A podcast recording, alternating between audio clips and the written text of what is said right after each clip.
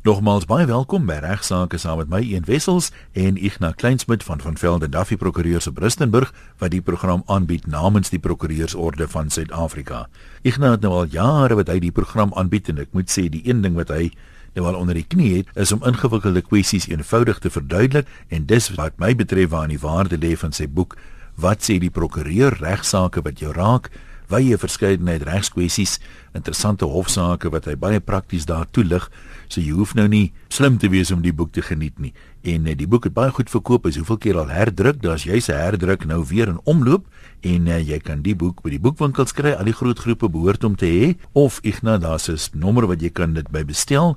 Wat sê die prokureur regsaake wat jou raak geskryf deur Ignas Kleinsmid uitgegee deur Naledi saam met RSG en maak so as jy hom per SMS wil bestel. Ja, SMS net die woord prokureur en jou naam en jou van jou afdelingsadres na die volgende nommer. Prokureur naam van en jou adres 078 648 616 078 648 616 Ian het nou vertel dat ek uh, al vir baie jare lank namens die prokureursorde hierdie program aanbied, maar ek moet dan daar ook net bieg en sê alhoewel ek die program aanbied, kom al die wysheid nie vir my af nie. Ja, dog jy gaan nou sê jy kon nie iemand anders kry nie. Waarskynlik so. maar daar by ons kantoor by Van Velden en Duffy Rustenburg is daar 'n hele span regsgeleerdes wie almal 'n baie baie groot bydrae maak om hierdie program 'n sukses te verseker. Mense soos Anke Botha byvoorbeeld 'n uh, het uh, van ons boedelafdeling daar ons kommersiële afdeling het nou die volgende stukkie wat ek gaan behandel. Het sy het die navorsing gedoen dan het ek al vir Willem en Leandre en Nicola en Esmarie ag en daar's 'n hele klomp uitstekende jong prokureurs wat ongelooflike goeie werk doen om dit vir my maklik te maak. Ek is mens nou klaar is met skool en jy gaan studeer, dan voel jy mos jy het nou klaar swat, jy het nou genoeg 12 jaar op skool, nog 5 jaar universiteit, jy is 'n leeftyd wat jy nou al studeer. En dan in hierdie loopbaanvoorligtingsboeke dan sê hulle altyd as jy nou 'n prokureur of advokaat word, dan moet jy jou lyf vet smeer want jy's vir die res van jou lewe 'n student. Ja. Nou dit het nie vir my baie vermaaklik geklink nie, maar 'n mens besef nou hoe waar dit is. Jy kan 20, 30 jaar gelede gestudeer het en die basiese beginsels onder die knie gekry het, maar daar's gedurig nuwe wetgewing, nuwe hofsaake. Ja. Jy kom nooit op 'n kol wie sê nou ken jy die reg nie. Die eerste vir alles is is hoe groot rol die digitale en die inligtingsnetwerke en die nuwe ontwikkelings op die gebied daarvan. Ja, en spesialisasie is die woord vandag. Ja, absoluut. Dis en dis 'n ou mens word hoe moeiliker is om daarmee by te bly, maar jy gaan as jy nie daarby bly bly nie, kan ek jou verseker, gaan jy te ver agterraak om later uh, eh, wesenlik in jou in jou eie loopbaan of beroep 'n uh, rol te speel. Anke het byvoorbeeld nou weer vir ons program bietjie gaan kyk na hoe werk 'n mens met jou digitale bates. Hoe hoe werk jy met in 'n boedel? Ja, dis 'n met digitale bates. Wat daar. is digitale bates? Nou, dit gebeur al hoe meer gereeld dat familielede of eksekuteurs gedwing word om 'n digitale bates van oorledene se boedel te handel wanneer ek die boedel wil afhandel, wanneer nou kom beredder. Indien hulle egter nie die wagwoorde het vir 'n oorledene se aanlyn rekeninge nie, kan dit 'n nagmerrie ontaard. Jy kom by die oorledene is alles is digitaal, alles is met wagwoorde wat jy moet uh, ontsyfer. Digitale bates sluit in luisteraars dinge soos in alle elektroniese besittings, byvoorbeeld jou e-posse, jou video's, jou digitale fotos, jou aanlyn rekeninginligting vir programme, jou webtuistes, uh, dinge soos Facebook, LinkedIn. Hier volg 'n paar riglyne wat uh, daar kan help indien u ook die probleem het met 'n oorledene of 'n ander persoon se digitale bates. Is belangrik dat verskeie maatskappye byvoorbeeld wat waarby u e-posadres kan hê het maatstawwe en prosedures in plek wat nou gebruik kan word om 'n oorledene se e-posadres te deaktiveer. Ek het dit nie besef nie. Hierdie maatskappye sluit in Gmail, Yahoo, Microsoft Hotmail, Outlook ensovoorts. Gmail byvoorbeeld 'n funksie genaamd Inactive Account Manager. Nou uh, dit laat sekere persone toegang tot 'n uh, oorledene se e-posse. Daar's 'n webwerf wat jy kan ek gaan nie al die webwerwe al die ja. nommers vir jou gee nie, maar wat ek wil voorstel jy doen dat Yahoo het ook so 'n proses. Microsoft se prosedure staan bekend as Microsoft Next of Kin prosesse. As u ooit dit wil hê, die psigologes is wat luister skakel gerus vir Anke of gee stuur vir haar 'n e-pos by anke@vvd.co.za. Dan is daar iets soos Dropbox. Dropbox sal baie luisteraars wat ken dit vereis baie dokumentasie en inligting alvorens hulle hulle wil eers baie dinge by jou hê voor hulle enige inligting of toegang gee tot iemand anders as die oorledene se Dropbox. Dis daarom 'n goeie idee om eerder u aanlyn leiers te deel met kollegas of familielede in plaas daarvan om u eie aparte leiers te hê. Net so met Apple byvoorbeeld, dis iTunes, iCloud ensovoorts. Icona. Ja, hulle hulle raak hulle kliënte aan om hulle inteken inligting in hulle testamente of 'n aanhangsel tot hulle testament in te sluit. Baie goeie raad wat Apple gee. Apple gee nie sommer enige mense toegang tot iemand se aanlyn rekening nie, maar u kan die Apple personeel ook direk kontak by 'n adres wat u by Anke kan kry. Net so met Facebook, uh, Facebook kan jy voor die tyd die keuse uitoefen of jy wil hê dat die profiel gesluit moet word of dit as dit 'n gedenkprofiel moet oopgehou word. Uh, jy kan ook iemand nomineer in die testament om na die profiel om te sien na jy afsterwe. Uh, Daar's ook 'n skakel wat jy hier kan volg om die opsies uit te oefen. Selfde geld vir Instagram, is baie soos Facebook, Twitter. Uh hulle het 'n hele proses wat eksekuteer of die oorledene se prokureur of naby familielede kan volg om die oorledene se profiel op Twitter te deaktiveer. En uh, die slotsom is maar net tussen al hierdie wyshede en nuwe dinge vir my en vir baie van u uh om al u aanlyn rekeninge, u profile, u bates, u digitale bates se inligting soos wagwoorde iewers neer te skryf wat u familielede maklik sal kan vind en na u afsterwe byvoorbeeld in die bedkassie of kluis kan kan opspoor. Sommige mense sit hierdie uh, inligting selfs in hulle testament, uh, maar dan sal u ongelukkig natuurlik jou testament moet verander elke keer as jy wagwoorde verander wat nie altyd baie yes, prakties ja. is nie. Nou dis so daarvan praat. Iemand vra nou die dag vir my, ek het nie 'n antwoord gehad nie. Iemand wie se pa oorlede is en hy was redelik aktief op Facebook. Toe vra die ou vir my, wat is nou die regte ding om te doen? Moet hy nou sy pa se profiel probeer verwyder of moet hy dit daar los? Want veral kort na iemand se afsterwe sal mense byvoorbeeld gaan kyk, daar's dalk ou foto's van 'n vakansie saam met familie en vriende en so aan. Hoe 'n mens dit moet dit moet hanteer. Ek meen dis dis nuwe goed waaroor mense nou wonder. Ek dink dit is in MC Skooman se etiketboek van sy geskryf het destyds nie.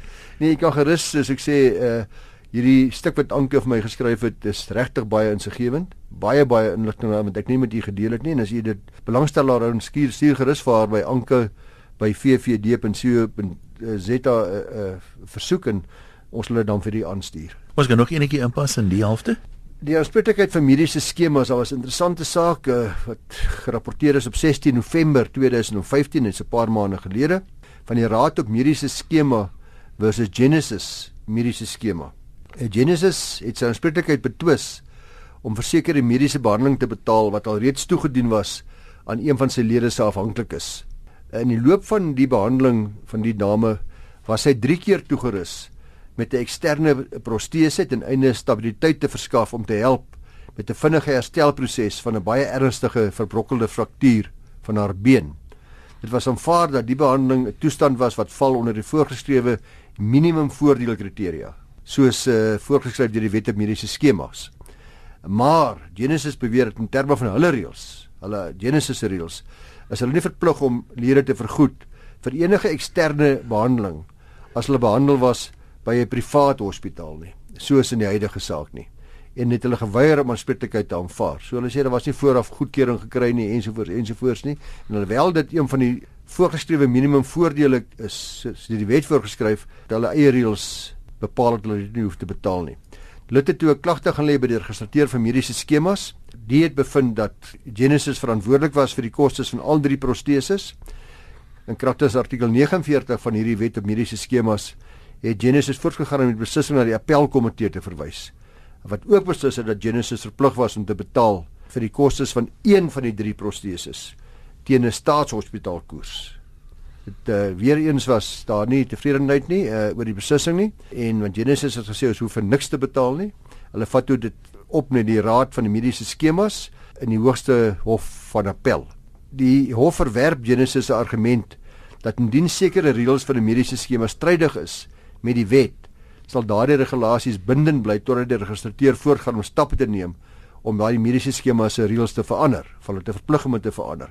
Die hof sê Icona, dit bevind dat die reëls van die mediese skema nie in isolasie beskou moet word nie, maar die verpligting van 'n skema om sekere voorgeskrewe behandeling te voorsien aan al sy lede wat lei aan sekere kondisies. Dis nou die sogenaamde wat ons genoem het nou nou die voorgeskrewe minimum voordele wat ons op geregtig is. Die hof sê ongeag wat verkry word by 'n private of 'n openbare sektor, is daai verpligting ongelukkig op die mediese skema daaraan voldoen en Genesis kan nie toegelaat word om buite daardie bepalinge te gaan nie. Met ander woorde, hulle eie reëls oordonder nie of oorheers nie die wet nie. Gevolglik as 'n lid se afhanklike lê in 'n toestand wat val onder die voorgeskrewe mediese voordele, is Genesis verplig om te betaal vir daardie behandeling. Hulle het die geleentheid gehad om 'n aangewese diensverskaffer te nader met 'n ooreengekomme tarief, maar Genesis het dit nie gedoen nie en gevolglik is Genesis aanspreeklik vir al die proteses, selfs al is dit sê die hof by 'n private mediese instelling toegedien. So nogal redelike uh, belangrike beslissing wat ek dink uh, mediese skemas van sal baie deeglik kennis neem en wat ook vir ons as verbruikers van mediese dienste van groot belang is.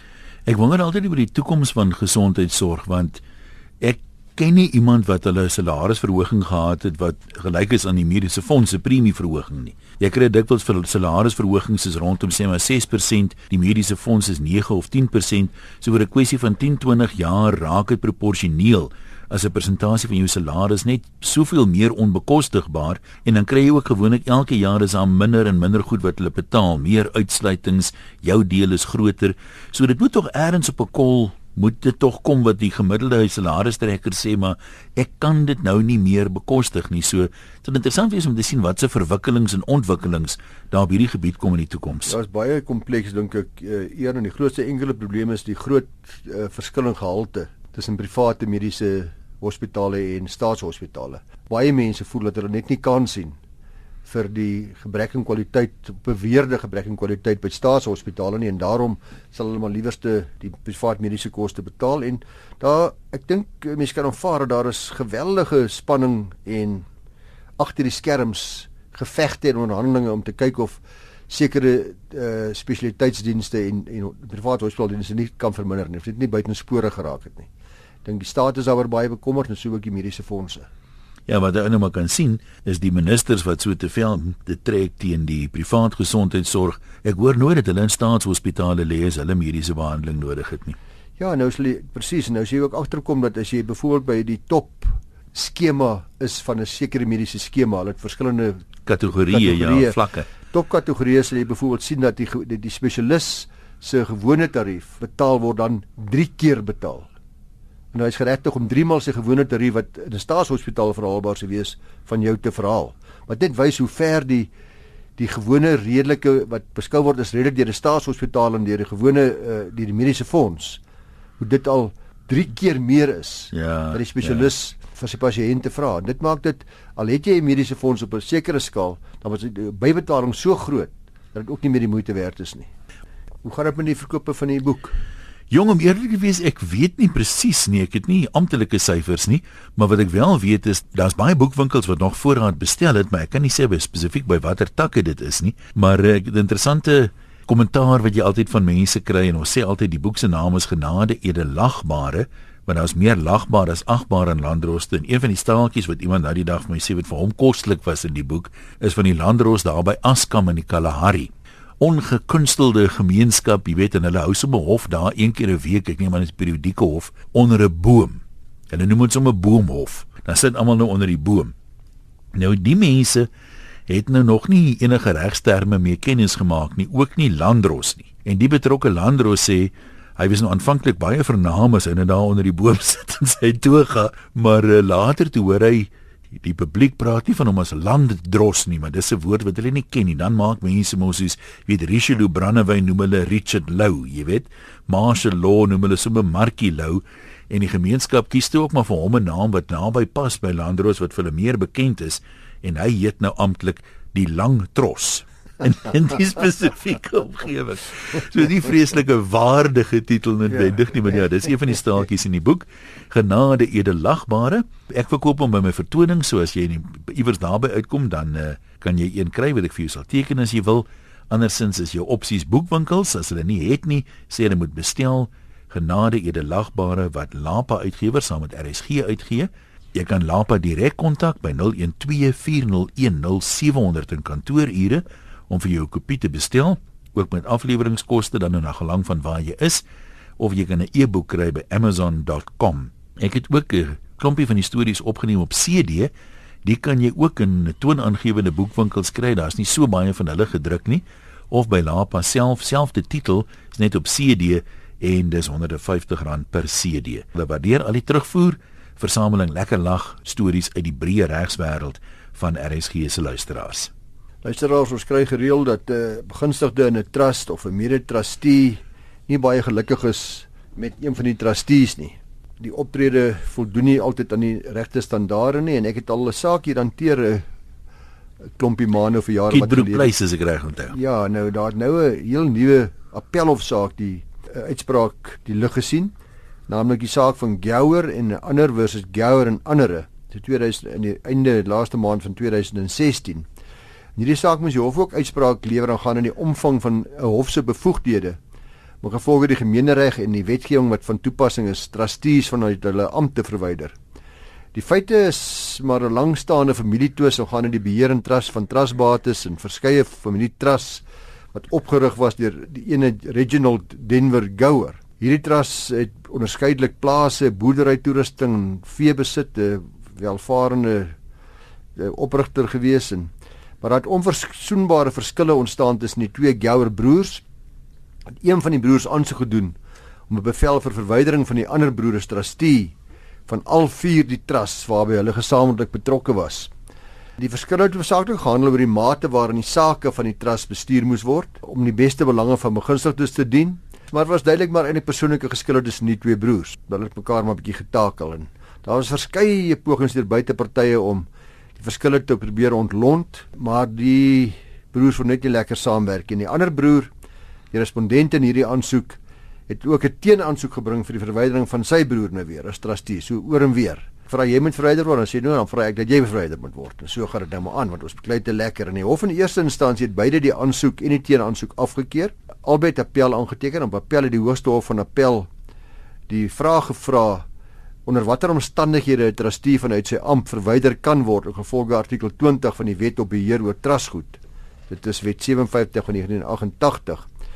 Die Hoogste Hof van Appel bevind dat 'n trustee die eienaar van trustgoed is, vir sover hy of sy die administrasie daarvan moet behartig, maar dit dat die trustee self geen verdere persoonlike belang by die trustgoed hou nie. Waarmee as 'n trustee in die trustakte benoem word, deel hulle in 'n gemeenskaplike vertrouensplig met mekaar om in daai plig is maar om die oogmerk van die trust te laat verwesenlike en dit moet hulle gesamentlik doen. Die hof wys erop dat artikel 9 van hierdie besondere wet bepaal dat 'n trustee by die nakoming van sy pligte en die uitoefening van sy bevoegdhede met die sorgsaamheid, ywer en kundigheid moet optree wat redelikerwys verwag kan word van 'n persoon wat die sake van 'n ander hanteer. Dis 'n hoër standaard as wat verwag kan word van 'n persoon wat sy eie sake omsien. So ek moet so 'n bietjie amper meer versigtig wees wanneer ek met die trust bates werk as met my eie. Die hof het nou gevolge die gemeenereg sê die appelhof die bevoegdheid om 'n trustee vanuit sy ampt te verwyder. Dis dis verseker so. Soos artikel 20 bepaal ook dat 'n hof 'n uh, uh, trustee kan verwyder uh, ook op aansoek van die meester of enigiemand anders wat 'n belang by die trust goed het kan uh, die hof dan so 'n persoon verwyder uit sy ampt. Maar dit is slegs indien die hof oortuig is dat sodanige ontheffing in die belang van die trust en die begunstigdes sal wees. So die algemene beginsel sê die hof dat 'n trustee vanuit sy ampt verwyder sal word indien sy voorbestaande trustee sal beteken dat die trust nie behoorlik geadministreer word nie of dit 'n nadelige uitwerking op die welstand van die begunstigdes sal hê. Nou hierdie beginsel geld weens die gemeenereg en ook weens die artikel van die wet en die bevoegdheid sê die hof moet met groot omsigtigheid uitgeoefen word. Dis byvoorbeeld nie 'n voorvereiste sê die appelhof dat die trustee in slegte trou moes optree, dat een van die trustees dalk op 'n stadium mala fides was of homself van wangedrag moes skuldig gemaak het alvorens hy verwyder kan word nie, daar kan verder daar kan baie weier gekyk word as net mala fide optrede of wangedrag. Uh die Hooggeregshof bevind of die Appelhof bevind dat in hierdie spesifieke saak is daar niks meer as blote wrywing en spanning en vyhandigheid en 'n bekleierery persoonlike feite tussen die twee trustees nie, die twee broers nie en seker begunstigdes nie, maar die hof sê dit alleen is nie genoegsaam vir die verwydering van trustees vanuit sy ampt nie. Sê hierdie verwydering is nie in belang in die algemeen van die trust as begunstigdes nie. Hulle moet hulle nonsens los met ander woorde. Hulle moet optree in belang van die trust en dit dit wat hulle oorbeklei het niks te doen met die met die belange van die trust nie. Die hof bevind derhalwe dat geen een van die partye 'n behoorlike saak uitgemaak het om te bewys dat die verwydering van die ander trustee tot voordeel van die trust en die begunstigdes vir die trust sal wees nie soos die aansoek en die teenaansoek is albei van die hand gewys. baie nuuskierig wat die uiteinde daarvan is want die praktiese jy vind dat as mense op daai vlak is dis mos soos hier verbrokkeling van 'n huwelik ook jy weet dit gaan van ons is nou nie meer lief vir mekaar nie tot ons haat mekaar en as jy eers daar is is dit nagnella Ek weet nie wat presies hier gebeur het nie, maar wat ook dikwels gebeur is in die hof het aan die begin dit, daarna verwys wat die beginsel betref dat trustees besit eintlik niks. Ek as trustee is nie 'n begunstigde nie. Ja. Ek moet my bates verander. So ek kan nou beklei oor dit en oor dat en alles, maar die feit dat ek die trust gaan beheer. Ek hou nou nie daarvan wat jy saam mee werk. Nou sê ek jy moet uit jy moet uitgeskop word. Ek wil alleen die trust beheer. Maar hoekom? Daar's geen persoonlike voordeel vir my nie. Ek beheer dit namens ander mense in en dis dikwels wat 'n mens vind dat trustees en uh, ook sekere begunstigdes besef nie dat die diskresionêre trust werklik 'n creature on its own is nie, 'n totale aparte regspersoon is nie. Ek wil nou nie stry met die hof nie, maar die die vraag wat by my opgekom het, is met die twee trustees nou, as hulle nou is die een nou sê, "Oké, okay, ek beveel aan ons ons keer hierdie uitbetaling goed." En uit moedswilligheid sê die ander een, "Nee, ek staan 'n tee." Dit moet tog 'n effek hê op besluite wat geneem word en die begunstigdes moet tog op die ou einde een of ander kant toe daaronder lê al is dit net omdat daar vertragings is. Ja, hierdie was nou klomp regters van die Hoogste Hof van Appel en ek eh, my onmiddellike aanvulling was presies soos joune Ian om te sê maar is daar is daar nie 'n basiese saak vir uit te maak dat as mense nie meer lekker saamwerk nie, dit nie 'n belang van die trust en die begunstigdes is nie? Is dit nie al klaar goed genoeg nie? Want daar kyk hier moet jy nou seker al 'n geskiedenis hê van 'n klomp besluite wat nie geneem is nie omdat daar nie eensstemmigheid bereik kon word nie. Ja wat die feite presies is weet ek ongelukkig nie maar dat net die feit dat mense nie meer op dieselfde golflengtes is nie of dat jy nie lekker met mekaar kan gesels As ek en jy saam 'n perd besit en ons kan nie praat oor die perd nie. Ons kan nie besluit waar hy moet hoeveel kos hy moet kry en wat die beste voer is ensovoorts nie. Dan moet dit tog 'n nadelige effek uiteindelik hê. Kry sulke trustees fooie vir die werk wat ja, hulle doen. Want ek meen ek my ja. my ander vraag is, hoekom wil jy nou so aangaan? Hoekom bedank jy nie maar en sê man, vat jou trust en vlieg nie? Nee, dis die trustees vergoeding word of deur die trust akte bepaal en dikwels as daar geen bepaling is nie, dan word gekyk na wat redelike vergoeding is en dan word ook gekyk dan wat kurators kry van insolvente boedels.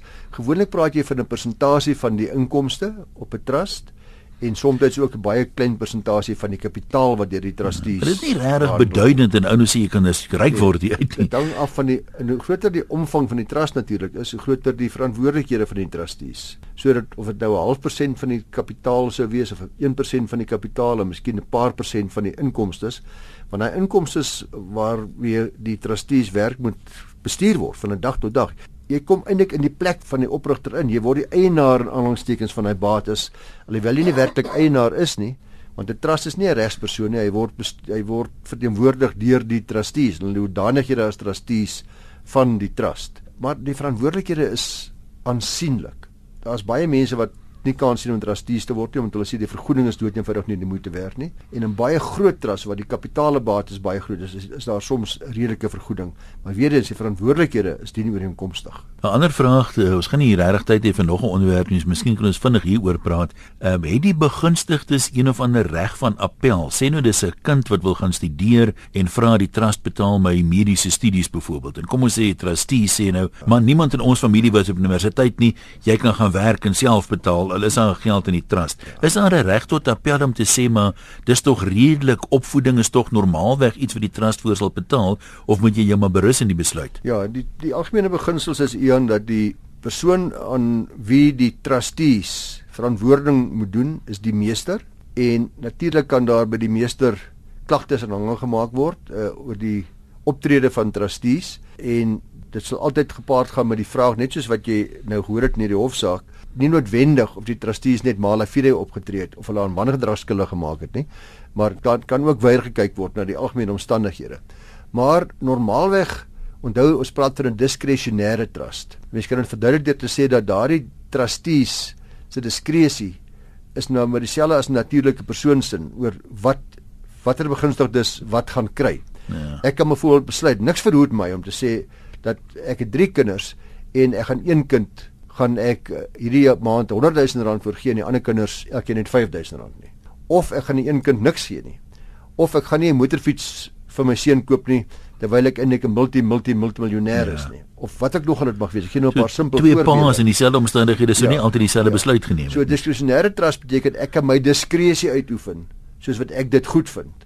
al wanneer ek aangeval kan word oor die uitoefening van my diskresie, as ek dit op so 'n wyse uitoefen dat dit skreeu teen hemel en nou duidelik is dat ek op 'n mala fide wyse, dat ek nie meer my diskresie uitoefen deur te kyk na wat reg en billik en goed ensovoorts is nie, maar daar is feitelik geen gevalle in Suid-Afrikaanse reg waar daar na hof toe gegaan is deur 'n begunstigde en geslaag is om te sê dat 'n trustee die sy diskresie op 'n redelike wyse uitgeoefen het. Want redelik hier is is 'n subjektiewe toets. Ek hoef nie te gaan verduidelik hoekom ek hierdie kind wou bevoordeel het boor daardie of hierdie begunstigde boor daardie begunstigde nie. En begunstigde is dis nie die beginsel is 'n reg nie. Daardie reg is beperk tot hoe die diskresie uitgeoefen word van die trustees. Maar weer eens eh, as dit werklik mala fide is, dan sal die meester kan ingryp en dan sal die hof ook ingryp. Ek nou, ons tyd is op. Ek sê vir jou baie dankie dat dit goed gaan sien uit na volgende maandag. Groete aan almal.